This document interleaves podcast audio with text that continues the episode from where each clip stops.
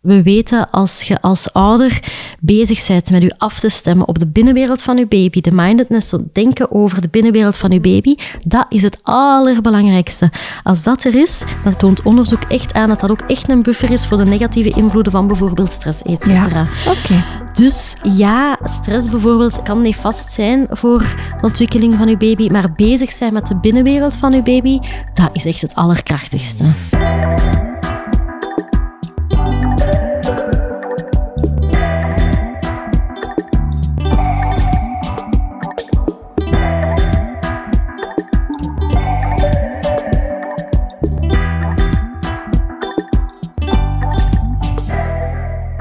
Vandaag hebben we Tessa Boale in de podcast. Tessa, wie ben jij? Hallo, ik ben Tessa. Ik ben klinisch psycholoog en psychodynamisch psychotherapeut. En ik werk in het infantteam en de ouder-babywerking van CGG Vaga. Dus dat is Centrum Geestelijke Gezondheidszorg in Antwerpen. En ik werk daar specifiek met kinderen vanaf eigenlijk zwangerschapswens tot als kinderen vijf jaar zijn. Samen met hun ouders. Vanaf zwangerschapswens? Ja, vanaf zwangerschapswens. Fijn. Komen er veel mensen langs vanaf zij inderdaad die wens uiten? Nee, nee, de meeste aanmeldingen gebeuren wel echt vanaf de zwangerschap zelf. Nu, dat kan wel. Hè. Heel af en toe gebeurt dat eens, maar de meeste mensen starten in, tijdens de zwangerschap. Ja. Of daarna natuurlijk. Ja. We gaan het vandaag met jou hebben over IMH, Infant Mental Health. En jij gaat vandaag hier als expert vooral een beetje duiding proberen geven, denk ik. De podcast heet Buikgewoel. Ik ben altijd heel benieuwd, bij elke gast die hier voor mijn micro zit, buikgewoel, waar roept dat bij jou op? Ik moest dan eigenlijk spontaan denken zo aan een term uit EMH, dat is de Motherhood Constellation, waarbij dat eigenlijk weergeeft vanaf dat ouders zwanger worden of vanaf de ouders fantaseren over kinderen, zijn er vier thema's die veel meer een rol gaan spelen in hun, ja, in hun gedachten en gevoelens. Dat is enerzijds, ga ik die baby die komt hè, in leven kunnen houden? Tweede is, ga ik met die baby een relatie kunnen aangaan? Hoe gaat die relatie tussen ons zich vormgeven? De derde is dan, hoe gaat de relatie met alle mensen rondom mij zich vormgeven? En de vierde is, hoe gaat mijn identiteit zich herorganiseren? Omdat je dat stukje ouder, wat je misschien eerst nog niet had, hè, moet integreren met alle andere rollen. Ja. En we weten dat dat een heel complex gegeven is, dat dat heel veel stress veroorzaakt. Positieve stress wel vaak, maar dat, dat doet van alles met uw binnenwereld. En dat gewoel, eigenlijk, daar moet ik dan aan denken. Ja. Mooi. Mooie betekenis. en we gaan het met jou hebben over IMH, Infant Mental Health. Een onderwerp dat gelukkig de laatste jaren meer en meer, ik denk ook in de media wel bespreekbaar geworden is. Niet alleen in het werkveld, maar ook wel echt in de media. Het belang van de eerste duizend dagen. Ik denk dat best wel veel mensen Ja. intussen daarvan gehoord hebben. Kan jij eens meer vertellen, die eerste duizend dagen? Beginnen bij het begin. Ja, eigenlijk gaat dat over de periode hè, vanaf dat er een persoon, een ouder zwanger wordt, tot als het kindje twee jaar is. En het belang eigenlijk van die fase, omdat we weten dat daar eigenlijk de blauwdruk gelegd wordt voor het verdere leven. Dus dat is enorm van belang, dus dat is goed dat we dat erkennen.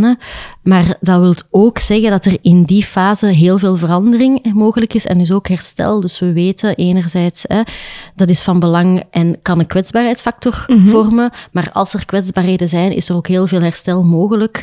En dat is zo'n beetje een slingerbeweging. We moeten vaak weten wat dat kwetsbaar kan zijn om te kunnen helpen. En daar wordt nu vooral veel de nadruk op gelegd, denk ik. Maar we mogen niet vergeten dat het tweede stukje daarvan ook echt is dat als er moeilijkheden zijn, dat we daar heel veel van kunnen rechtzetten. Ja. Ehm, en daarom is dat net zo belangrijk, omdat we weten... En hè, in die eerste duizend dagen is dat het effect het grootste. Dat wil niet zeggen dat het daarna dat er geen herstel het meer stopt, mogelijk is. ja. Nee, Ja. maar we weten gewoon hoe belangrijk, hoeveel potentieel dat er in die periode zit. Ja. Dat dat eigenlijk een heel krachtige periode is. Ja, en ik denk, misschien is dat ook wel een interessante om nu te vertellen. Het zou kunnen zijn dat sommige zaken die we gaan bespreken in, in deze aflevering, dat die als, als ouder of als wensouder mogelijk wel wat triggerend kunnen zijn, of als zorgverlener misschien ook wel. Dat is niet de bedoeling om net meer stress te veroorzaken of zo. Ik denk dat de boodschap die we misschien kunnen meegeven vooral ook wel is dat er inderdaad heel veel herstel mogelijk is. Dat vooral belangrijk is dat we inzicht hebben. Ja. Ik denk Ja. dat dat dan belangrijk is om nu misschien wel al te vermelden de generatie van ouders, van mijn ouders, van mijn grootouders zeker, Mhm. zij dachten dat, ja, dat baby's eigenlijk geen gevoelens hadden. Er werden toen de jaren 50, 60 nog operaties uitgevoerd. 80. tot de jaren tachtig. Ja. Oh my god. Ja. Zonder anesthesie. Hè. We kunnen ons dat de dag van vandaag niet voorstellen. Ik hoop dat we binnen 20, 30 jaar, als we dan terugkijken naar deze periode, dat we dan een hele evidente vinden dat we beseffen, ah ja, maar natuurlijk voelen baby's en natuurlijk hebben zij emoties en natuurlijk kunnen zij wel registreren en onthouden. Niet op de manier dat wij dat als volwassenen misschien, of als adolescenten of als jonge kinderen kunnen, maar dat zij wel een geheugen hebben en dat dat wel geregistreerd wordt, hè, ondanks dat dat misschien geen bewuste herinnering is. Ja. Dus ik hoop dat we binnen 30 jaar, als we daar zo naar terugkijken, dat we er dan zo wel over kunnen denken. Ehm, wat is het belang vanaf die eerste, allez, je zegt daarnet, die eerste duizend dagen, dat begint eigenlijk al bij de conceptie, dus bij de bevruchting. Kan je daar wat meer over vertellen? Goh, ja, daar is heel veel over te vertellen. ja, er zijn zo mooie plaatjes, vind ik daar altijd rond. Dat op het moment dat een vrouw, of een ouder, sorry, zwanger is, dan zitten die eicelletjes hè, van de volgende generatie ook al bij de embryo. Dus eigenlijk zitten er drie generaties Ja. samen op één moment. Dat toont zo wat belang, denk ik. Je kunt daar van alles aan, dat heet genomic imprinting. Eigenlijk tijdens de zwangerschap, als die baby in de buik van de ouder zit en eigenlijk de eicellen ook al heeft voor de volgende generatie, dan spelen er van alle omgevingsinvloeden in op die drie personen samen eigenlijk op dat moment. En we weten dat dat genen kan aan- en uitzetten Ja. bijvoorbeeld. Dus dat, dat wil zeggen... Dat is de, de epigenetica. Ja, dat is epigenetica. Dus we weten dat de invloeden daar eigenlijk tot bijna hè, twee generaties verder en zo dan ehm, loopt invloed kan door, hebben. Een invloed Ja. kunnen hebben. Dus dat toont zo wat het belang.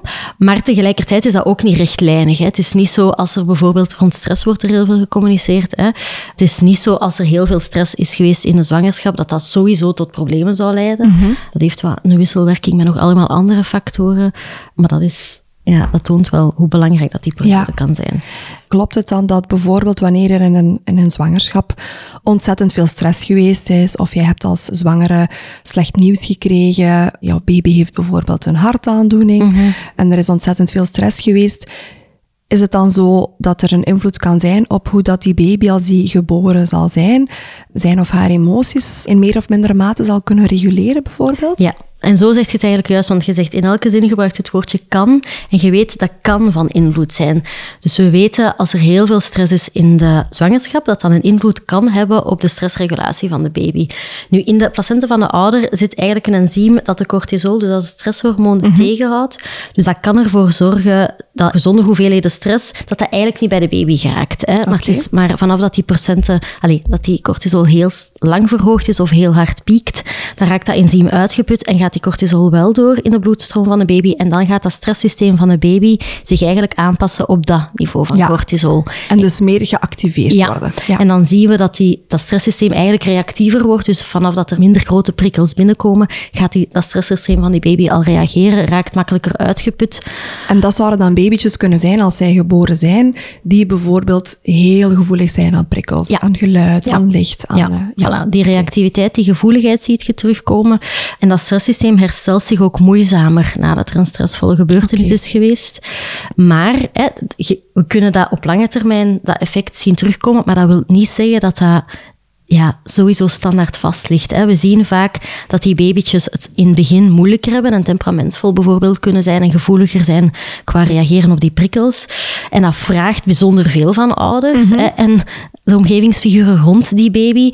Maar dat wil niet zeggen dat dat ja, gecorrigeerd is misschien niet het juiste woord, maar dat die ouder dat ook niet kan opvangen. Hè? Ja. Met goede zorg en goede zorg rond die ouders, zodanig dat die ouders dat kunnen doen, is er juist daardoor heel veel herstel mogelijk. Als die ouder de hele tijd de baby gaat kunnen helpen om bijvoorbeeld wanneer dat hij reageert op heel veel geur en geluid en omgevingsgeluiden, ehm, als die ouder de baby altijd opnieuw gaat kunnen helpen om terug rust te vinden hè, nadat hij van streek is geraakt, dan gaat dat systeempje van de baby zich eigenlijk daar terug op afstellen, gaat hij dat internaliseren en dan toont hij eigenlijk net veel mooiere vaardigheden in regulatie als die ouder is. Ja. Dus het is een kwetsbaarheidsfactor, maar het kan ook echt een bijzondere kracht zijn Ja. als je dan een omgeving hebt. En een ouder kan dat niet alleen, hè, want als je dat Ja. nu als ouder probeert te doen, dat is bijzonder moeilijk. Maar als je daar een omgeving rond die baby kunt zetten van een ouder of ouders hè, die die baby voortdurend helpen te reguleren en je hebt steunfiguren rond die ouders, dat die Om ouders dan weer helpen, helpen, ja. dat ze een batterij kunnen opladen om terug te komen naar de baby, dan kan dat net iets kei waardevol zijn. Ja, maar daar zeg je het inderdaad. dat het vooral ook een hele belangrijke is dat er ook mensen rondom die Mhm. ouder of ouders staan om hen mee te helpen dragen en reguleren. En dat is denk ik waar het misschien in onze samenleving soms nog moeilijk is. Ja. Wij als eh, zelfstandige vrouwen, die dan eh, heel, heel goed opgeleid zijn intussen vaak, eh, heel lang werken in een zwangerschap, vrij rap aan het werk gaan, standaard Mhm. gezien. Het is soms een moeilijk om dan ook die hulp te vragen, of als die hulp er is, om die dan ook te aanvaarden. Ja. Of misschien zelfs, als ik dan voor mezelf mag spreken, toe te geven dat je hulp nodig hebt. Misschien, misschien dat wel al Mhm. Ja, als eerste. Is dat ook iets wat jij merkt in praktijk? Absoluut. Ik denk dat is zo het mooie aan de informatie die nu tot bij ouders komt over het belang van die eerste duizend dagen. Maar dat geeft ouders, dat zet die in een bijzonder moeilijke positie. Hè? Want je weet hoe belangrijk dat die periode is, maar je zit ook in een heel geïsoleerde positie. Je hebt heel weinig, allee, veel ouders hebben weinig steun rondom hun. En dan moet je die taak, waarvan je weet hoe ontzettend belangrijk die is, nog eens gaan doen, wat dat sowieso nog je stress verhoogt. Ja. dat is eigenlijk heel nefast. hè. Ja. Terwijl IMH net de zorg voor de allerkleinste eigenlijk hè, wil markeren, maar de zorg voor de allerkleinste is altijd de zorg voor ouder en baby door context daar rond. Ja. En nu, wat er heel vaak gecommuniceerd wordt, wat dat goed is, hè, vergeet me niet verkeerd, maar de nadruk komt vaak heel sterk te liggen op het belang van de zorg voor die baby. Maar daar gaat het eigenlijk in IMA niet echt om. Het gaat over dat netwerk Ja. rond die baby en de verbindingen tussen baby en ouder en ouder en andere zorgfiguren en de baby en andere zorgfiguren, die ondersteunen zodanig dat die baby eigenlijk optimale kansen heeft om te ontwikkelen. Ja. En niet dat eng stukje van enkel ouder en baby en vooral dan de relatie van ouder naar baby. Hè. Ja. Daar wordt heel veel nadruk op gelegd en dat is, dat is belangrijk, maar dat is echt maar een plaatje uit een groter geheel. Een, een, een wisselwerking van de gehele context Ja, dan, ja, ja, ja, ja. Context, maatschappij, alles daar rond. Hè? Ja. Nu, heel vaak is het wel nog zo... Dat is, als vroedvrouw zien we dat ook wel op de werkvloer, als kindjes het heel lastig hebben na de geboorte. Zij huilen heel veel. We gaan eigenlijk als eerste vaak dan toch op zoek. Oké, is er reflux? Zijn er krampjes? Moeten we iets aanpassen in het voedingspatroon? De focus wordt heel rap wel gelegd op... Er zal wel een medisch probleem zijn bij die baby dan. En allee, ik kan echt wel... Hoe zeg je dat? In eigen borst kijken? Hoe zeg je dat? Ja. In eigen... Ja? In eigen boezem kijken. in eigen boezem kijken. Ehm, mijn eerste twee kinderen waren ook echt wel kinderen die, ja, die toch wel veel huilden, die heel moeilijk te reguleren waren. En ik merkte ook als mama dan die machteloosheid, want je denkt, er moet dan toch wel een medische verklaring zijn, dus we moeten op zoek gaan naar oplossingen. En ik denk dat dat een, een reflex is die heel veel ouders hebben. Nu, zoveel jaren later, nu dat ik ook wel best wel meer kennis heb opgedaan, kan ik ook wel inzien dat ja, dat er een stukje wisselwerking was tussen mijn kinderen en, en mezelf dan, of ons als ouders. En kan ik zelfs ook denken van ja, het huilen heeft misschien veel langer geduurd dan dat het had moeten duren als, als wij als eenheid, als wij als geheel misschien waren begeleid geweest in plaats van alleen mijn baby die een, een ander dieet kreeg of, eh, of medicatie voor reflux. Is dat iets wat je vaak ziet in Ja. praktijk ook? Ik denk, zeker bij babytjes die excessief huilen, noemen we dat dan. Hè, baby's die heel veel huilen en waar ouders zich zorgen maken over de frequentie of de duur van dat huilen, dan weten we hè, dat er maar 5% van die baby's echt een medische oorzaak Ja, heeft. Maar dat wil niet zeggen dat er in die 95% niet iets anders aan de hand is. Hè. We weten ook dat baby's die excessief huilen al direct na de geboorte anders reageren op prikkels. Dus die merken veel meer prikkels op. Die komen sneller binnen en die verwerking van die prikkels verloopt ook anders dan babytjes die niet excessief huilen. En dat gaat vaak leiden dat ouders bijvoorbeeld uitgeput raken of oververmoeid raken of heel angstig raken Ja. over dat huilen. Maar ik vind het belangrijk om te erkennen dat dat vaak een gevolg is van dat huilen. Dat is niet de oorzaak, maar dat heeft weer een invloed op het huilen daarna. Eigenlijk bekijken we in IMH altijd de interacties tussen ouder en kind als iets transactioneel. Dat wil Ja. zeggen, de baby stelt een gedrag, de ouder reageert daarop, de baby reageert dan weer op dat gedrag en zo gaat Ja. het verder. En het is in die transactie dat bijvoorbeeld oververmoeidheid van ouders, op de hyperalertheid voor prikkels van die baby, dat dat gaat zorgen dat die baby nog meer onrust hè, Ervaart. Want die Of merkt, kan, hè, mijn, ja. mijn ouder die is hier onrustig, die is oververmoeid, die reageert heel gespannen als ik nog maar begin te jammeren. Wordt dan onrustiger, ouder uiteraard raakt nog meer uitgeput en zo Mhm. zit je in een vicieuze cirkel. Dus eigenlijk als we die ouder meer zouden ondersteunen bij baby's die veel huilen, dan zou dat huilen mogelijk sneller hè, wat meer tot rust komen. Maar dat is niet de oorzaak. Hè. Ik denk dat dat voor ouders ook heel belangrijk is om te horen, omdat er vaak gekeken wordt naar, ah, die baby is onrustig. Het zal wel een ouder hebben die over, ongerust is, of een overbezorgde moeder dat daar te dicht op zit, of ze moet die wel wat meer laten huilen. Dat of is... die die te veel verwendt. Ja. dat was wat ik dan... Ja. Ja. heeft te veel borstvoeding Ja. of te veel nabijheid, dus ze zijn Ja. verwend en dat is de reden dat ze nu niet alleen in haar parkje kan liggen Ja. of zo. Ja. terwijl nee, hè, Nee, dat hè? is echt een verschil in gevoeligheid van die baby's. En ik denk dat zo, dat is mensen ook om dingen te willen oplossen. Mhm. Dus zeker denk ik ook artsen dat daarin opgeleid zijn zo om het antwoord te weten, gaan vaak op zoek naar, er moet dan een oorzaak zijn en we gaan dat behandelen. En als we het niet weten, zullen we maar bijvoorbeeld hè, denken aan medicatie voor reflux om te kijken of dat, dat helpt. Ja. Om maar iets te kunnen doen. Ja. Maar eigenlijk zou het net heel helpend zijn om zo wat te leren op je handen te zitten, te verdragen dat dat huilen daar is. Hè, en dan te kijken hoe kunnen we dat samen meedragen en betekenis geven. Dat dat niet iets groot moet zijn waar je bang van wordt, maar dat je weet, oké, dit is even pittig. Er zijn mensen rond ons om ons Ja. daardoor te krijgen. Er is niks ernstig aan de hand. Ja. In die zin dat u dat wat rust kan geven. En dat er dan misschien zo zou kunnen gekeken worden naar, oké, wat zouden tools kunnen zijn om deze context nu eigenlijk te ondersteunen? Zowel de ouder, Ja. ouders, als ook de baby. Ja, dan. ja, ja. En dat is echt voor elk gezin anders. Ik denk dat sommige gezinnen heel hard gebaat zijn met bijvoorbeeld wel meer tips rond, oké, dit kunt je doen om je baby te helpen reguleren. Voor andere ouders is dat net van, nee, ik heb alles al geprobeerd. Jij moet mij niet komen vertellen hoe ik mijn baby moet helpen, want ik ken mijn baby het best. Ik denk dat we echt moeten kijken, wat is voor ouders op dat moment het belangrijkste? Waar hebben zij vraag naar?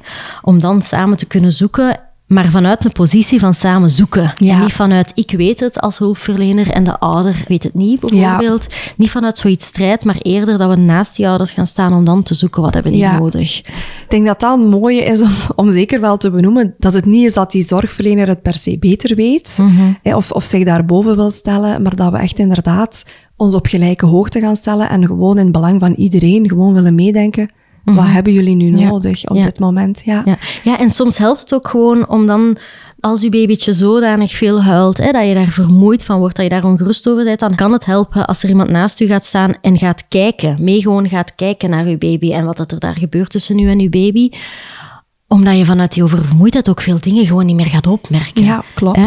En dan weet je vanuit een steun, van er is iemand naast mij dat samen met mij gaat zoeken. Ja. En dat een beetje trial and error gaat zijn, want dat is in zorg voor Ja, baby's. hè. Er is geen handleiding. We gaan dit eens proberen. Werkt dat? Ah, fijn, we gaan dat nog eens proberen. Misschien werkt dat nog eens. Of niet. Hè. Het is altijd, we gaan eens proberen en evalueren. Een match en een mismatch tussen wat er gebeurt en wat dat er nodig is. Ja. Ehm, dat is zoeken, dat is echt zoeken. En boelen. Ja, en voelen.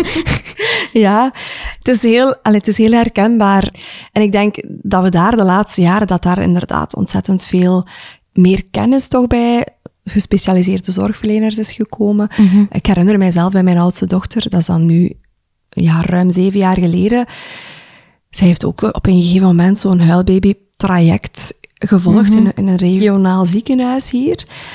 Ik had als ouder helemaal niet het gevoel dat wij per se betrokken werden. Integendeel, dat was vooral, laat ze hier nu twee nachten achter. Wij zullen ze eens observeren en dan zullen wij jullie eens zeggen wat er nu moet gebeuren. Dat was hoe het bij mij binnenkwam. Het gaat ongetwijfeld veel genuanceerder gebracht geweest zijn, maar dat is wel hoe dat het binnenkwam. En ja, dat voelt niet fijn als ouder, want dat voelt van ja, we zijn al vijf maanden aan het ploeteren. Wij doen al zoveel, wij proberen al zoveel en nu gaat een extern iemand mij een keer zeggen wat, dat, wat dat ik moet doen. Eigenlijk bekijken we vanuit Infant Mental Health de baby niet als een persoontje op zich. Hè. Ehm, eigenlijk bekijken we dat altijd als een baby in relatie tot iemand anders, tot die ouder. En het gaat altijd over de relatie tussen die twee. Dus als we vanuit EMH zouden kijken wat hebben ouders dan nodig, dan gaan we die proberen samen te houden. En dan te kijken hoe kunnen we ouder ondersteunen. Hè, zodanig dat die er terug voor de baby kan zijn of meer voor de baby kan zijn en vice versa. Nu, dat wordt gedaan uiteraard vanuit de beste bedoelingen. Hè. Dat wordt gedaan vanuit het idee, we willen die ouder ondersteunen. Of dat werd gedaan vanuit het idee, we willen die ouder ondersteunen. We willen dat hij even haar batterijen terug kan opladen of zijn batterijen kan opladen, zodanig dat hij terug voor de baby kan zorgen. Dus ga even naar huis en rust. En wij nemen het wel over. Ehm, en wij zullen met onze kennis die wij hebben proberen mee met u te zoeken. Ik denk dat dat de bedoeling de is van de tijd. Ja. Dat kan helpend zijn. Hè. Sommige ouders hebben daar nood aan en dat kan hun vooruit helpen. Maar voor vele ouders en baby is dat hertraumatiserend, omdat je die eigenlijk uit elkaar haalt Ja. op een voor hun stressvol moment. Want het gaat niet goed hè, met dat paar. Het Nee. gaat niet goed met die ouder en Nee. die baby. En je haalt die dan uit elkaar, wat dat sowieso stressinducerend is. Dus ik denk dat we daar met enige voorzichtigheid naar moeten kijken. Van wat, is dat, wat hebben we daar nodig? En we kunnen ook een ouder ondersteunen in nabijheid van die baby. Hè. Sommige ouders hebben nood aan, pak even met een baby over dat ik kan gaan douchen. Andere ouders vinden dat net super irritant. En Mhm. Ja. willen eigenlijk, kust jij mijn huis op dat ik Ja. niet moet gaan douchen en ik wil bij mijn baby zijn. Exact. Ja. Ja. Dat was ik. Ja, je moet echt kijken wat heeft deze ouder nodig. En vragen aan die, die weten dat meestal. En als ze zeggen van ik weet het niet, stel dingen voor en kijkt wat dat, dat doet. Ja. Maar laat een ouder nooit iets doen dat niet strookt bij zijn buikgevoel, omdat die baby dat gaat opmerken. Die Mhm. gaat merken, mijn ouders die zijn hier nu van alles aan het zeggen en aan het doen. En ze willen wel laten uitschijnen dat dat oké is, maar die voelen dat dat niet is Ja, wat dat die ouder Ja. Mhm. voelt. Dus dat geeft weer stress. En dit, dat is dysregulerend. Dus ik denk dat we daarmee moeten oppassen. Ja, ja ik voel hem ook heel hard als je het zo benoemt. Ik katapulteer mij zo wat terug in de tijd. Want zo voelde het ook voor mij. Ik dacht, nee, ik, ik, ik wil net bij mijn kind blijven. Ik wil vooral dat jullie eens meekijken hoe dat ik eventueel signalen, of, of, of hoe dat ik eigenlijk mijn kind op de momenten dat hij zoveel huilt, wat ik zou kunnen doen om die te kunnen helpen. Want alles wat ik nu doe, werkt niet meer. werkt Ja. niet meer. Nee, en ik ben al aan het dragen en ik ben al aan het voeden en ik ben Ja. al... Dus en het is vooral zo kwetsbaar op dat moment, Mhm. want je zit al zo diep vaak. Huilen geeft kortsluiting in je hoofd. Mhm. En ja, nu op dit moment, ik kan huilen van baby's prima verdragen, maar op dat moment was zelfs vijf minuten huilen te veel. Hè? Ja. Het is zo precies of u... Ja, Het is verzadigd. ja. ja, maar dat is je ook... tolerantieniveau is echt gewoon... Ja, op. En je stresssysteem staat eigenlijk heel de tijd aan, waardoor dat je zo alert bent voor elk klein huiltje, omdat je weet, ik moet snel ingrijpen, want. Mhm. anders zijn we weer vertrokken. Maar dat, is- dat, dat put u uit. En dat geeft spanning. Ja, Ja. Dat, dat, is, dat is heel nefast hè, voor je eigen functioneren en voor je relatie met je kindje. Maar ja, je zit daar wel, hè. en Ja. doet dan maar een keer iets anders. Ja, exact. Ik ben heel benieuwd, Tessa, in praktijk. Stel, een ouder meldt zich aan bij jou op de afdeling of bij jou op dienst met een kindje die best wel veel huilt en moeilijk gereguleerd geraakt. Zijn er zo'n aantal concrete oefeningen, tips? Wat doen jullie? Ja, dat hangt heel hard echt af van ouder tot ouder. Ik heb daar niet een standaard... Allee, wij werken niet vanuit het idee, hier is een standaard behandelprotocol en dat gaan we toepassen. We gaan eerst vooral wel, zo die eerste paar sessies, echt kijken van, oké, wat... Wat betekent dat huilen hier? Kunnen we al die medische dingen ook uitsluiten? Want dat, moet, dat is echt stap één om dat uit te sluiten. Vaak is dat al gebeurd, omdat ouders meestal echt eerst terechtkomen bij de pediater en de huisarts en die hebben dat al gedaan. En dan gaan we kijken, oké, wat heeft die ouder nodig? Soms zijn dat ouders waarbij huilen een heel beladen betekenis heeft gekregen, waarbij dat ouders die bijvoorbeeld het heel graag heel anders willen doen, want dat wat zij gekend hebben, en als hun baby veel huilt, wil dat zeggen dat hun baby niet gelukkig is. Ja, en dat heeft zoveel connotatie en betekenis en lading gekregen dat het moeilijk is voor een ouder om daar op een rustige manier nog op te reageren. Ja. Want je wilt eigenlijk dat huilen voorkomen op dat moment. En baby's huilen. hè. Ja. Ehm, en dat zet iets vast in die interactie. Dus dat kan soms helpen om daar gewoon met iemand over te praten. Ja. En dan gaan we vaak ook gewoon benoemen wat dat we zien gebeuren tussen ouder en baby op dat moment. Je gaat zien, veel baby's op dat moment dat ze merken van hun ouder is iets aan het vertellen dat heel belangrijk is. Die worden muisstil en zijn heel rustig naar hun ouder aan het kijken. Ja. Of ineens vriemelen ze zich zo terug hè, in die armen van die Ja. ouder en verdwijnen ze bijna in die schoot zo. Ja. Ehm, Al- alsof, en ik, ik denk dat het waarschijnlijk wel ook zo is, dat zij wel weten dat het over hen Maar die gaat. voelen dat. En dat die, ja, en misschien niet in het bewustzijn dat wij hebben van, Ja. ah ja, dit wordt er hier gezegd, dus dat. Maar dat die inderdaad wel voelen van, het gaat hier over mij. Ja. En toen mij ineens denken aan mijn laatste aflevering Met van de Suze. podcast. Ja, de geboorte van Suze met Kelly. Ik weet niet, heb je het al geluisterd? Ja. Heb je het ook gehoord? Ja, ja, het was heel mooi. Ja, hè? Ja. Ik vond dat magnifiek. Dat Eh, is wat dat je ziet gebeuren. ja. En als we dat dan gaan markeren, zodat ouders dat ook weer zien, dan worden ouders krijgen vaak zo het gevoel van, ah, oef, ik ben toch goed bezig. Of er ja. is toch connectie met mijn baby. En dat helpt dan weer om daarna hè, daarmee... Omdat er een stukje bevestiging en vertrouwen is van, oké, Ja. ja. dat en dat en dat ja, ja. is wel oké. Ja. En dat is echt dan... Dat, ja, dat gaat er dan over dat ouders één keer per week vaak bij ons komen en dat er echt vaak gewoon gesproken wordt. En soms kan dat lijken van, hoe gaat dat nu helpen voor het huilen? Hè? Maar dat is dus hoe dat, dat helpt, omdat dat die lading wat verwerkt wordt. Hè, en dat we gaan inzetten op de relatie tussen ouder en baby tijdens dat moment. Daarnaast kunnen we ook gaan zoeken, en dat is dan meer naar psycho-educatie, van oké, wat kan er helpen om uw baby tot rust te brengen? Is dat een baby die wel houdt van diepe druk en wandelen, en, of net een baby die dat niet fijn vindt? Ja. Dan gaan we wat de kennis die we hebben over de ontwikkeling van baby en de regulatie van baby's, wat gaan bekijken met ouders en proberen kijken van oké, wat heeft uw baby nodig? Ja. Dat is één stukje. Maar het andere stukje is ook echt, ja, we noemen dat mentaliseren bevorderende therapie, is echt kijken naar wat gebeurt er in mijn binnenwereld? Hoe is dat van invloed op mijn baby? Wat gebeurt er in de binnenwereld van mijn baby? Hoe is dat op, wat invloed op mij? En zo is dat Ja, versa. oké. Ja. Dus ik kan me ook voorstellen dat het wel gebeurt op het moment dat jullie inderdaad zo een sessie hebben, die ouder, ouders... eh, Ik kan me voorstellen, als er Mhm, twee ouders zijn, dat die, ja. dat lijkt mij toch handig, dat er eigenlijk enerzijds geobserveerd wordt, hoe is die interactie, maar dat er ook benoemd wordt en ook echt gepraat wordt Ja, met die baby. Absoluut, hè. absoluut. En dat is iets wat, dat misschien veel mensen wel raar vinden. Dat je praat tegen Ja. een baby alsof het een volwassene is. Want ja, ze begrijpen het toch niet, denken Ja. we dan heel vaak. Is dat iets wat dat veel ouders lastig vinden in het begin? Ik denk in het begin een beetje ongemakkelijk. Omdat wij dat ook al echt doen vanaf dat we ouder en baby gaan ophalen in de wachtzaal. Mee uitnodigen, kom jij mee. Kom jij mee en echt uw communicatie ook tot die baby gaan Ja. richten en die actief gaan betrekken als gesprekspartner. En we doen dat om die baby eigenlijk gelijkwaardig te maken. Hè. Daarom gaan wij op de grond ook bijvoorbeeld zitten en niet in stoelen vaak. Mhm. Omdat je dan de baby de kans geeft om zelf uit die schoot te bewegen en heen en weer Ja. te gaan. Terwijl als je in een stoel zit, dan zit hij vast. Hè? Ja. Of dan moet hij de ouder hebben of de therapeut hebben om zich te verplaatsen. Terwijl als we allemaal op de grond zitten, zijn we allemaal gelijkwaardig. Ja. Ehm, Als een mooi. Ja, Ja. ja. maar dat is in het begin wel wat... Allee, dat kan wel bijzonder voelen. Nu, wij, het is niet dat wij denken dat de baby inderdaad de letterlijke betekenis van onze woorden snapt. Ja, dat moet hij nog leren. Hè. Dat is die taalverwerving die nog moet komen, die actief bezig is, maar wel moet komen.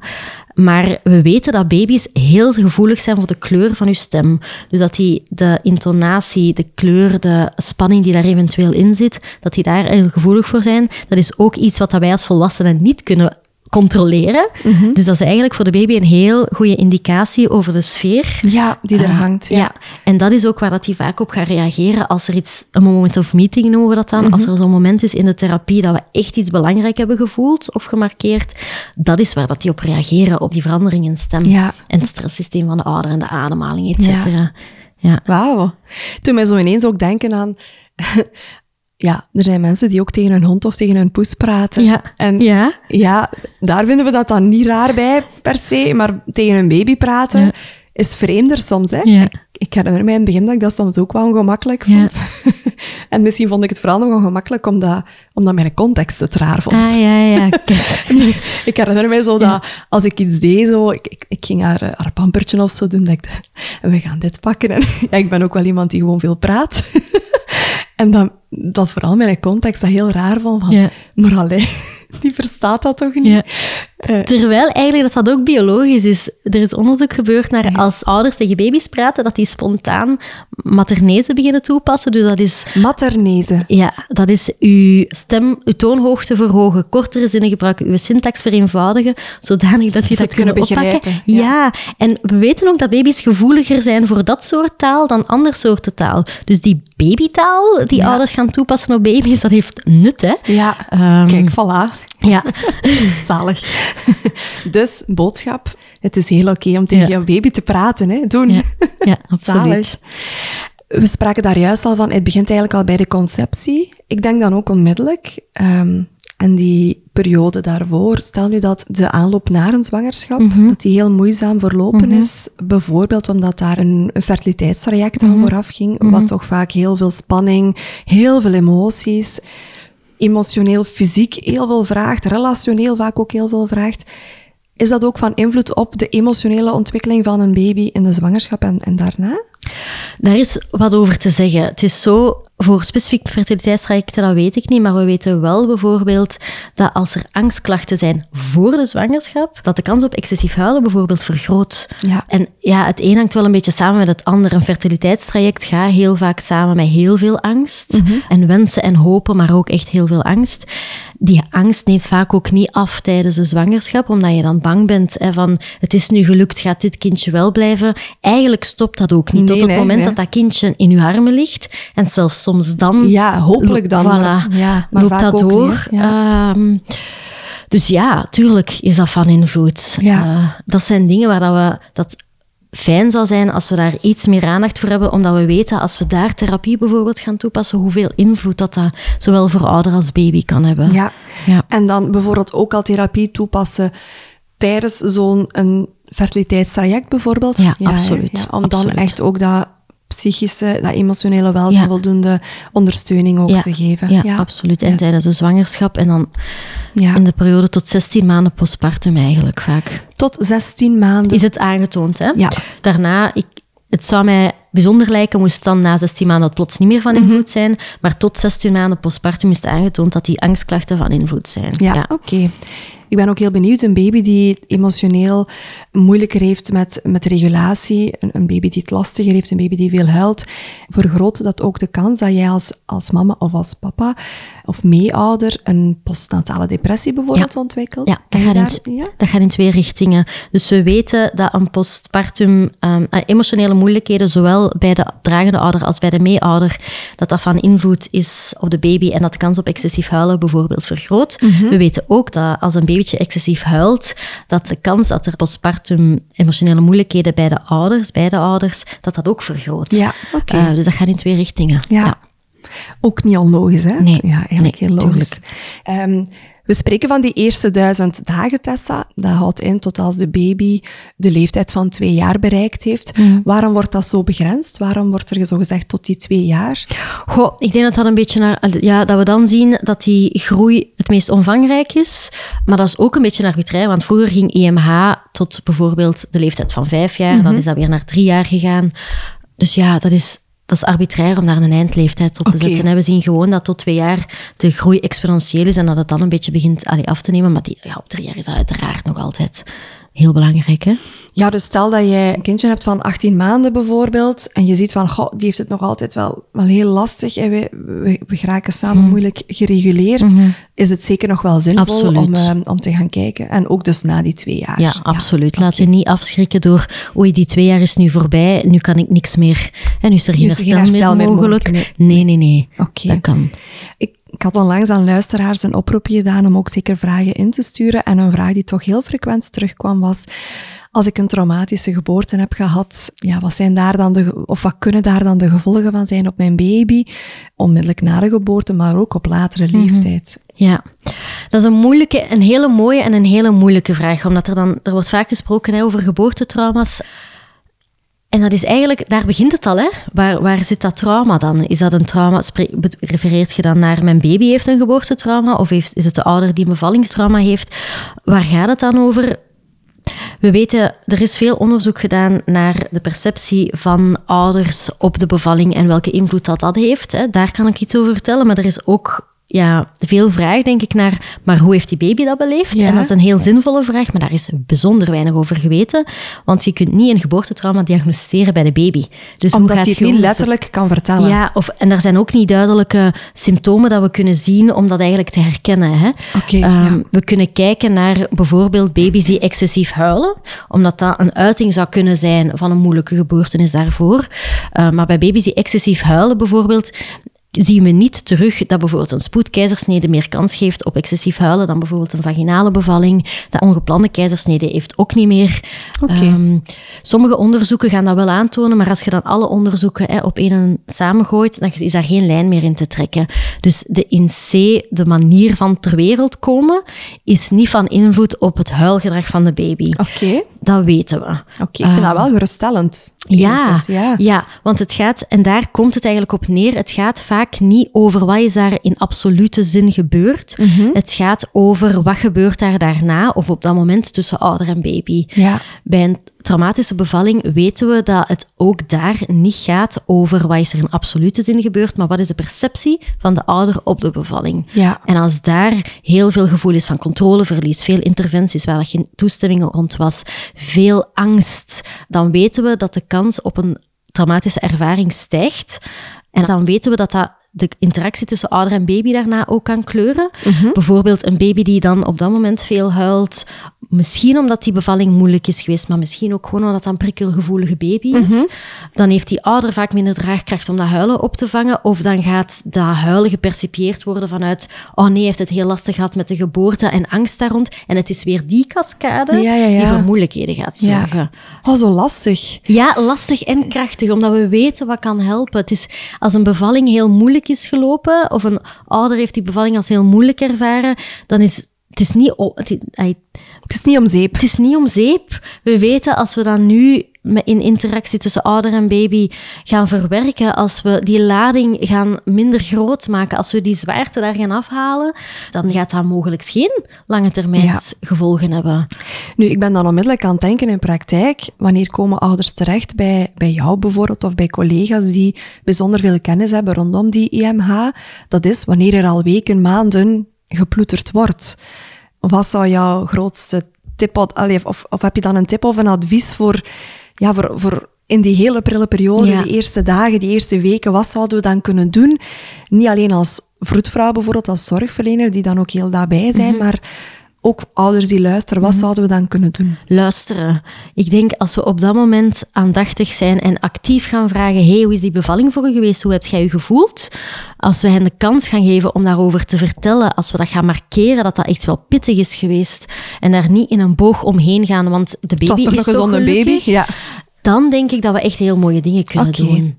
En je zegt luisteren. Ik veronderstel dat je bedoelt naar de ouders luisteren. De. Maar ook naar de baby gewoon Ja. inderdaad wel eens vragen van hoe is het voor jou Ja. geweest? Hoe heb jij dat allemaal Ja. ervaren? Ja. Ja. Als je, je op dat moment iets tegen de baby kunt zeggen als die bij de ouder ligt van... Amai, manneke, dat is moeilijk geweest. Hè? En uw mama is heel bang geweest, mogelijk. Zijn jij misschien ook wel... Ja. ehm, Dan erken je al de gevoelens die die baby eventueel ja, kan gevoeld Ja, en hebben. uw stem gaat het weer vertellen. Die gaat Ja. zich rustig gereguleerd weten, omdat hij uw stem opmerkt. Ja, oké. Ja. Ik vind dat wel een mooie tip, want heel veel van de luisteraars gaan op dit moment niet zwanger zijn, maar misschien Mhm. wel mensen in hun omgeving hebben als je op een babybezoek gaat. Ja, een, een heel eenvoudige tip, maar inderdaad, die zegt, vragen hoe dat geweest is. En die zegt, luisteren dan ook. Ja. Maar inderdaad, dan ook die baby gewoon eens Ja. betrekken. Ja, dat die ook echt. eens gewoon gehoord kan worden. Dat die, ja, want inderdaad, heel vaak wordt zo wel wat die, die kaart getrokken van, ah ja, maar alles is toch Mhm. goed nu, het is een gezonde baby. hè, Kijk, hè. En dat is vanuit angst. hè. Ik denk dat we moeten erkennen dat mensen dat doen vanuit echt de beste bedoelingen, Ja. maar ook angst hebben rond wat als dat niet zo zou zijn. En we zeggen dat om dat gevoel weg te nemen. Ja. Hè, je wilt daar rond, want je wilt niet te veel stilstaan bij wat het al, al dat vieze en vuilen en enge daar rond zo kan zijn. Je moet zo onmiddellijk denken aan... Je wilt zo misschien als omgeving het niet zwaarder maken Ja. dan dat zij het op dat moment vinden. Ja, ja. Of er niet meer gewicht aan hangen. Ja, terwijl eigenlijk, als je gaat luisteren, gaat dat net niet gebeuren. Ja. Ja, je gaat het groter maken, ja, maar je gaat Ja, het groter maken als je er niet naar vraagt. Ik denk ook, het zou zo mooi zijn als we op de materniteit ook al aandacht zouden hebben van, oké, hoe is dat geweest? Er, kan wel lijken alsof die bevalling heel vlot is gelopen, maar misschien voelt die ouder zich absoluut overdonderd. Ja, absoluut. Ehm, ja. En als we dan al eens zouden kunnen luisteren of daar tijd voor kunnen maken, en dat is lastig hè, in ons zorgsysteem, maar tijd voor kunnen maken om te horen van wat is er allemaal gebeurd en hoe is dat voor u geweest? Dan heb je vragen ergens eigenlijk over. En Ja. Dat is Daar wel zit- veel ja, hè, belang. Daar zit veel goud in, hè? dat denk ik Ja. ook wel. Ja, ik heb daar onlangs een gesprek over gehad met een gynaecoloog die vertelde, ja, als het een lastige bevalling is geweest, dan doen we dat wel echt. Hè. Dan gaan we wel echt op materniteit langs Ja. en dan gaan we wel eens die brieven en vertellen. En ik weet dat ik toen ook wel zei van, ja, maar een bevalling die op papier fysiologisch verlopen is en waarvan wij denken, amai, zalig, heerlijk, vlot, die kan toch ook heel overspoelend geweest zijn, of daar kan toch ook heel veel onder zitten wat dat wij Absoluut. niet zien. En dat is ook wat dat onderzoek toont. Hè. Het gaat absoluut niet over wat is daar in enge zin gebeurd, wat zijn die absolute hè, ervaringen, maar het gaat over de subjectieve ervaringen. en daar moeten we naar peilen. Ja, oké. Fijn dat je dat ook nog eens benoemt. Ja. En ik denk dat we dat gewoon allemaal kunnen doen. Daar hoef je geen zorgverlener voor te zijn. Hè. Kan je ook gewoon als vriendin of als oma of, eh, of als vader of vriend. En zeker ook die partner betrekken. Hè? Ja, ik denk ook daar, eh, Ja. dat daar toch wel veel winst nog vaak te behalen Ja. is. Hè? Want als er een baby heel veel huilt, wordt er toch automatisch, denk ik, vaak naar de mama gekeken. Mhm. hè, als er een mama in beeld is. Merken jullie dat ook op in praktijk, dat als, als mensen zich aanmelden, dat het veelal de mama is die zich dan aanmeldt met een baby en dat die partners misschien in eerste instantie niet eh, de noodzaak daarvan herkennen? Het is veel moeilijker om meeouders te betrekken dan die dragende ouder. Dat zien we heel, heel duidelijk. Ik maak daar wel een shift in. Oké. In die zin dat we zien dat, dat tegenwoordig veel vaker de ouders samen beginnen komen. Terwijl dat we daar vroeger veel langer aan moesten trekken. En dat, dat trekken was ook omdat het praktisch veel moeilijker was of minder maatschappelijk aanvaard. Dat de meeouder dat ook lastig kon hebben. Ja. Nu is het relatief makkelijker om de ouders samen te zien. Maar in de realiteit is het wel vaak de dragende ouder die veel langer voor die baby thuis gaat zorgen dan de meeouder bijvoorbeeld. Ja. Wat dat ook maakt dat het gewoon praktisch ja, makkelijker is, tussen haakjes makkelijker, voor die dragende ouder om tot bij ons te komen. Ja. Maar ik kan me wel voorstellen, als je vooral enkel die dragende ouder... Dat is eigenlijk mooi gezegd, die dragende ouder. Ik kan me voorstellen dat partners, zeker als je ze ook niet tot bij jou krijgt, ook misschien niet altijd gaan geloven dat wat jullie doen, de, de, de therapie die jullie Mhm. geven, de, de baby daar ook bij betrekken, ja, dat dat ook echt heel zinvol is. Dus ik kan me voorstellen Mhm. Ja. dat... Hè? Klopt ja, dat? Ja. Ja, het is ook heel moeilijk om...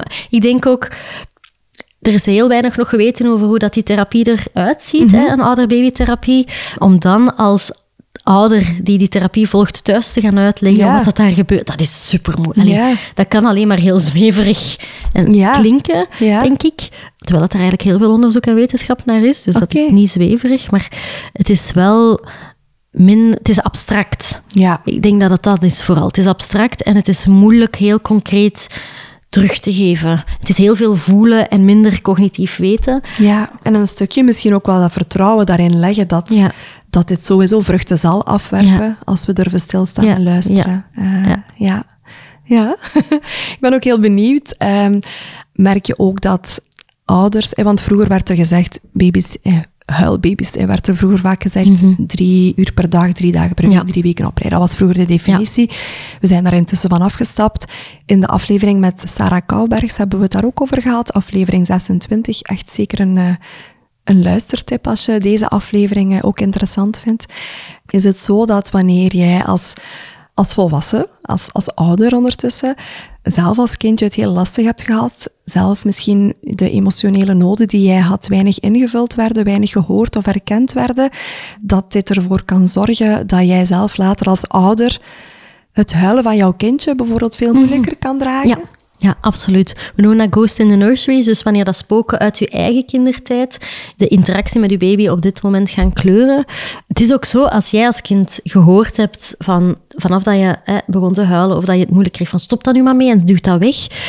Dat geeft stress, hè? want je moet iets beginnen onderdrukken en hup, dat Mhm. Wat dat moet je weg. voelt, Voilà. ja. En als uw baby dan nu op dit moment huilt, dan wordt diezelfde stress teruggetriggerd. Want oh nee, die dat huilen moet gestopt worden. En je kan dan nog zo graag willen dat uw baby weet Mhm. dat hij wel mag huilen.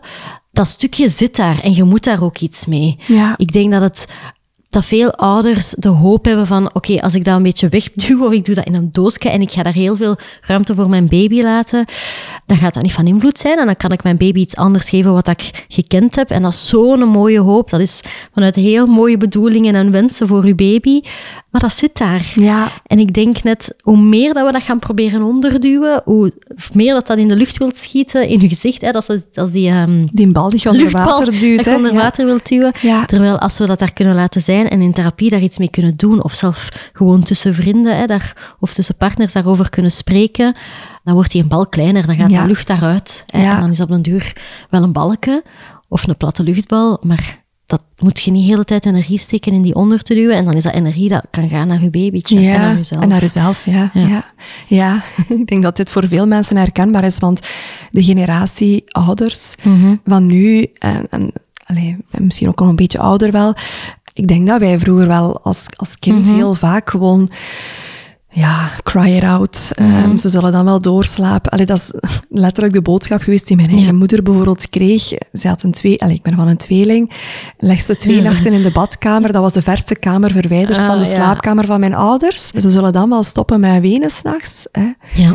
Die waren echt, ik denk dat, dat we moeten herkennen dat onze ouders en grootouders en misschien de generatie daarboven afhankelijk, die waren met andere dingen bezig. Hè. Dat was de oorlogse en naoorlogse generatie, die waren letterlijk bezig met overleven. Ja. ja, dan is het super lastig als je een baby hebt die lawaai maakt, want letterlijk, hè, dat verstoort. Ja, dat is gevaar, hè? Dat is gevaar. Die waren met zo andere thema's bezig en hebben voor ons echt gezorgd in die optiek om de beste zorg te geven. Dat is de boodschap dat zij kregen, dat is wat dat zij dachten dat echt goed was. En misschien was dat op dat moment ook echt het beste. Hè? Je kunt heel moeilijk ruimte laten voor huilen en de betekenis daarvan en daarmee gaan zoeken. Als je benomen bent door zoveel moeilijke andere dingen. Hè? Dus ja, het ik vind het wel mooi dat je dat zegt. Ja, omdat ik ben zo aan het denken, ja, als mijn mama nu luistert, of mijn schoolmama of zo, ik, ik, ik zeg dit ook niet om zo met vingers te wijzen, maar mhm. ja, jullie hebben vroeger in onze tijd, zoals heel veel ouders toen deden, dat was inderdaad wel met die beste bedoelingen en in de, en misschien inderdaad ook wel toen de beste keuze. Ja, er moet altijd een match zijn tussen wat dat je eigenlijk tussen het ouderlijk antwoord dat je op dat moment biedt en de noden, maar ook de context van je baby en van, van jullie relatie op dat moment ik, soms was dat misschien echt op dat moment de beste match. Heeft dat nu voor moeilijkheden gezorgd? Omdat ook de context weer is veranderd? Absoluut. Mhm. hè? Maar het had misschien ook niet echt anders gekund of ja. zo. Misschien vooral gewoon belangrijk dat we ons nu bewust zijn. Mhm. En ook als volwassen individu dat we... Want ja, laat dat wel echt duidelijk zijn. Als je zelf ouder wordt, dat is een gigantische spiegel. ik zie jou lachen, het is waar, hè? Ja, en dat, er zijn maar weinig momenten die zo belangrijk en innemend zijn als dat moment van prelouderschap. Ja, hè? Dat we vooral durven even inchecken bij onszelf dan. Misschien van, oké, wat heb ik zelf als kind vroeger wat had ik misschien meer nodig gehad? Zodanig dat je, dat je er in, in, eerste instantie misschien gewoon al bewust van bent als je zelf het ouderschap induikt. Ja, absoluut. Ik denk dat dat wel een belangrijke is. Zo het nadenken ook als je zwanger bent tussen, oké, wat heb ik zelf als kind gekend? Wat wil ik mijn kind doorgeven? Wat wil ik niet doorgeven? Uh, wie zijn de steunfiguren dat mij daar rond kunnen helpen? het zou zo mooi zijn als we naast die hè, consultaties bij de vroedkundige en de gynaecoloog, als we daar ook wel wat aandacht zouden rond krijgen. Dat dat ook een thematiek is om mee bezig te zijn, of kan. Nu, er zijn echt wel al gynaecologen en zeker voedkundigen, maar ook gynaecologen die daarmee bezig zijn. Dat, dat wordt, het systeem wordt ook aangepast zodanig dat veel ziekenhuizen dat ook standaard hè, in hun, hun traject gaan bevragen, zodanig dat mensen sneller kunnen doorverwezen ja, naar Born in Belgium. Um, ja, ja, dat loopt wel allemaal, dus dat is echt heel fijn. Ja, er is wel gelukkig een, een mooie beweging op gang. Hè. Ik denk dat vooral een hele belangrijke is dat we niet met vingers willen wijzen naar hoe het vroeger wat wel en niet goed was en wat nu niet goed is en wel goed is. Maar vooral ook kunnen we het, ook, kunnen we het misschien gewoon nog beter doen, nog meer afgestemd op de mhm. behoeften en de noden van die jonge kindjes en die prille ouders, hè, die verse ouders. Ja. Tessa, ik denk dat we stilletjes aan richting afronding kunnen gaan. Is er iets wat jij zelf nog wilt toevoegen? Ja, ik hoop, maar ik denk, we hebben het daar in het begin echt wel al zo wat over gehad. Zo, in maatschappij iets binnenbrengen is altijd een slingerbeweging tussen er is te weinig aandacht voor en er is te veel aandacht voor. En het, het gaat altijd van een één extreme naar een andere. En ik denk dat het heel goed is dat we bezig zijn met een beweging rond het belang van die eerste duizend dagen zo te markeren. Mhm. Maar ik denk dat het nu goed is als we een beetje beginnen zoeken naar, oké, en hoe kunnen we die slinger terug wat meer naar het centrum krijgen, omdat er zoveel herstel mogelijk is. Hè? Ik hoor veel ouders echt heel bang zijn over bijvoorbeeld de invloed van geboortetrauma's of stress, stress tijdens de zwangerschap en welke invloed heeft dat nu op mijn kindje en heb ik mijn kindje dan verpest? Boodschap is altijd nee. Mhm. IMH is inherent een veerkrachtige, hoopvolle boodschap. Ja. Omdat er net zoveel herstel mogelijk is. Als we weten, als je als ouder bezig bent met je af te stemmen op de binnenwereld van je baby, de mindedness, zo denken over de binnenwereld van je mhm. baby, dat is het allerbelangrijkste. Als dat er is, dan toont onderzoek echt aan dat dat ook echt een buffer is voor de negatieve invloeden van bijvoorbeeld stress, et cetera. Ja. Oké. Dus dat is hoopvol. Ja, ja, dat is echt een heel belangrijk stukje om te weten. Ja, stress bijvoorbeeld kan nefast zijn voor de ontwikkeling van uw baby, maar bezig zijn met de binnenwereld van uw baby, dat is echt het allerkrachtigste. Ja, ik vind dat echt een hele goeie dat je dat wel zegt. Want continu stress, dat is niet iets wat we willen nastreven. Maar in zekere zin heeft die baby ook stress nodig om goed Ja. te kunnen ontwikkelen. Die baby heeft ook... dag- en nachtritme hangt daar zelf Ja, het is dat. Hè. Want nu, inderdaad, die slingerbeweging, ik merk dat heel hard in praktijk de laatste jaren. Hoe ouders stressen om het feit dat ze zoveel stress Mhm. hebben. En inderdaad schrik hebben van, heb ik mijn baby nu al verpest op voorhand? Nee, er is net heel veel herstel mogelijk.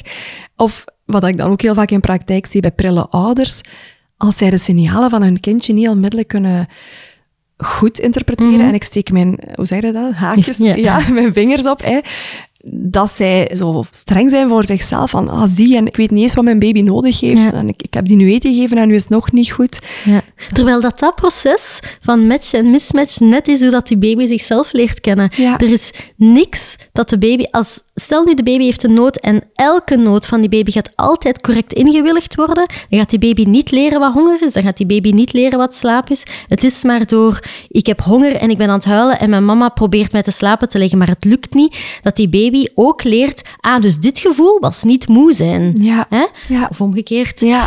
Het is maar door eigenlijk die discrepantie tussen wat dat je nodig hebt en wat het ouder u biedt, dat je leert wat dat je eigenlijk nodig hebt. Ja. En dat je frustratietolerantie en je zelfregulatie kan groeien. Ja. Je hebt echt die momenten van mismatch nodig. Belangrijk dat herstelt, maar die mismatch, daar leert je ook echt. Ja, kijk goed, Ja. goed dat je dat meegeeft. En dat zeggen ze toch, hè, als je er één op de drie keer al op zet, dat je dan al Ja, echt... dat is goed genoeg. Ja, hè? Al meer als goed genoeg is. Hè? Ja. Hè? Goed genoeg ouderschap is ook, want die term is soms een beetje misleidend. Dat lijkt dan als zo, daar is de threshold, als je daar boven zit, is het niet meer slecht. Maar eigenlijk is goed genoeg ouderschap wat dat je nodig hebt. Perfect ouderschap is inherent niet goed voor de Nee. ontwikkeling van Nee. je kinderen. Nee, voilà. Ik denk dat we daarmee kunnen afronden. Eh, misschien nog fijn om te belichten, 12 tot 18 juni 23 is de Infant Mental Health Awareness Week. Ik Ja, niet, wordt de het week zo van de? EMH wordt het in Nederlands genoemd, maar Ja. het is inderdaad van de Awareness Week Ja. Dus eh, we gaan ook eh, deze aflevering proberen lanceren in die week ergens. Heb jij mensen in je omgeving die het onderwerp boeiend vinden, interessant vinden? Stuur zeker de podcastaflevering door. Er zal in de media, denk ik, ongetwijfeld ook wel het een en het ander over te volgen zijn of te lezen zijn, zodat we alleen maar kunnen onze blik verruimen. Hè? Ja. Dankjewel, Tessa. Dankjewel. Dankjewel om te luisteren naar deze aflevering met Tessa Bouali. Ik vond het zelf een heel boeiend gesprek en wat ik vooral meeneem is dat IMH een hoopvolle boodschap is. Ik wil jullie graag meedelen dat dit de voorlopig laatste aflevering is. Er staan nog verschillende afleveringen klaar en er staan nog een paar heel boeiende gesprekken op de agenda.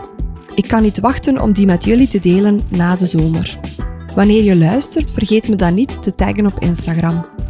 Daarnaast ben ik ook erg benieuwd in welke landen jullie de podcast allemaal gaan beluisteren deze zomer. Laat het me dus zeker weten waar jullie op vakantie luisteren. Intussen bestaat Buikgewoel bijna één jaar en het is ongelooflijk om te beseffen dat de podcast reeds 50.000 keer gestreamd werd. Ik wil jullie graag massaal bedanken om zo trouw te luisteren. En dan nog een leuk nieuwtje. Naast mijn online geboortecursus, waarin ik jullie een complete voorbereiding geef op de geboorte, de kraamperiode en de emotionele rollercoaster, en ja, ook IMH komt aan bod, lanceer ik binnenkort ook mijn online borstvoedingscursus. Hou zeker mijn website en Instagram in de gaten. En nog tenslotte dit. Ik krijg geregeld de vraag van luisteraars hoe ze deze podcast kunnen steunen. Zoals jullie weten, of niet, verdien ik helemaal niets aan het maken van deze podcast. Je kan deze podcast dus steunen door bijvoorbeeld een cadeaubon aan te kopen op mijn website. Zo kan je iemand in jouw eigen omgeving steunen bij de aankoop van een online geboortecursus en binnenkort dus ook de online borstvoedingscursus. Op die manier hoop ik tijd vrij te kunnen kopen om nog veel afleveringen te kunnen maken voor jullie. Daarnaast helpt het ook altijd om je te abonneren op deze podcast en een gratis review te geven. Op die manier kunnen anderen de podcast makkelijker terugvinden. Uit de grond van mijn hart, dank je wel. Ik wens jullie een fijne, warme zomer toe met ruimte om te vertragen en te verbinden met al jouw dierbaren. Tot binnenkort!